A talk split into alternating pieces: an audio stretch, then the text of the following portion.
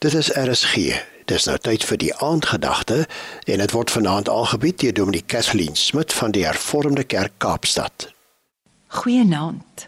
Vanaand staan ons vir 'n wyle by die Nuwe Testament en in Handelinge 9 vers 1 en 2 lees ek: Saulus wat nog steeds dreigemente en moord teen die disippels van die Here aangeblaas het, het na die hoofpriester gegaan en van hom briewe gevra aan die sinagoge in Damaskus sodat indien hy enige mense opspoor wat aanhangers van die weg is, mans sowel as vroue, hy hulle geboei na Jerusalem kon bring.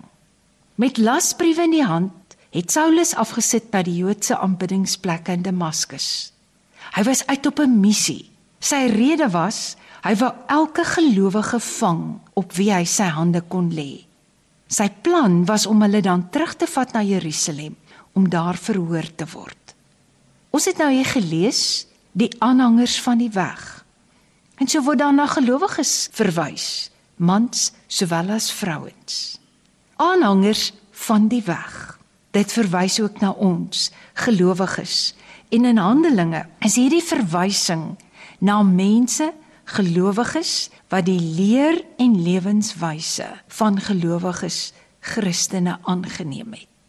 En hierdie aanhangers van die weg het uitgestaan in die gemeenskap. Hulle is raak gesien in hoe hulle geleef en hoe hulle opgetree het.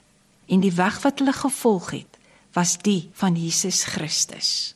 In Jesus se voetspore. Met 'n terugblik op hoe ons vandag ons lewe geleef het.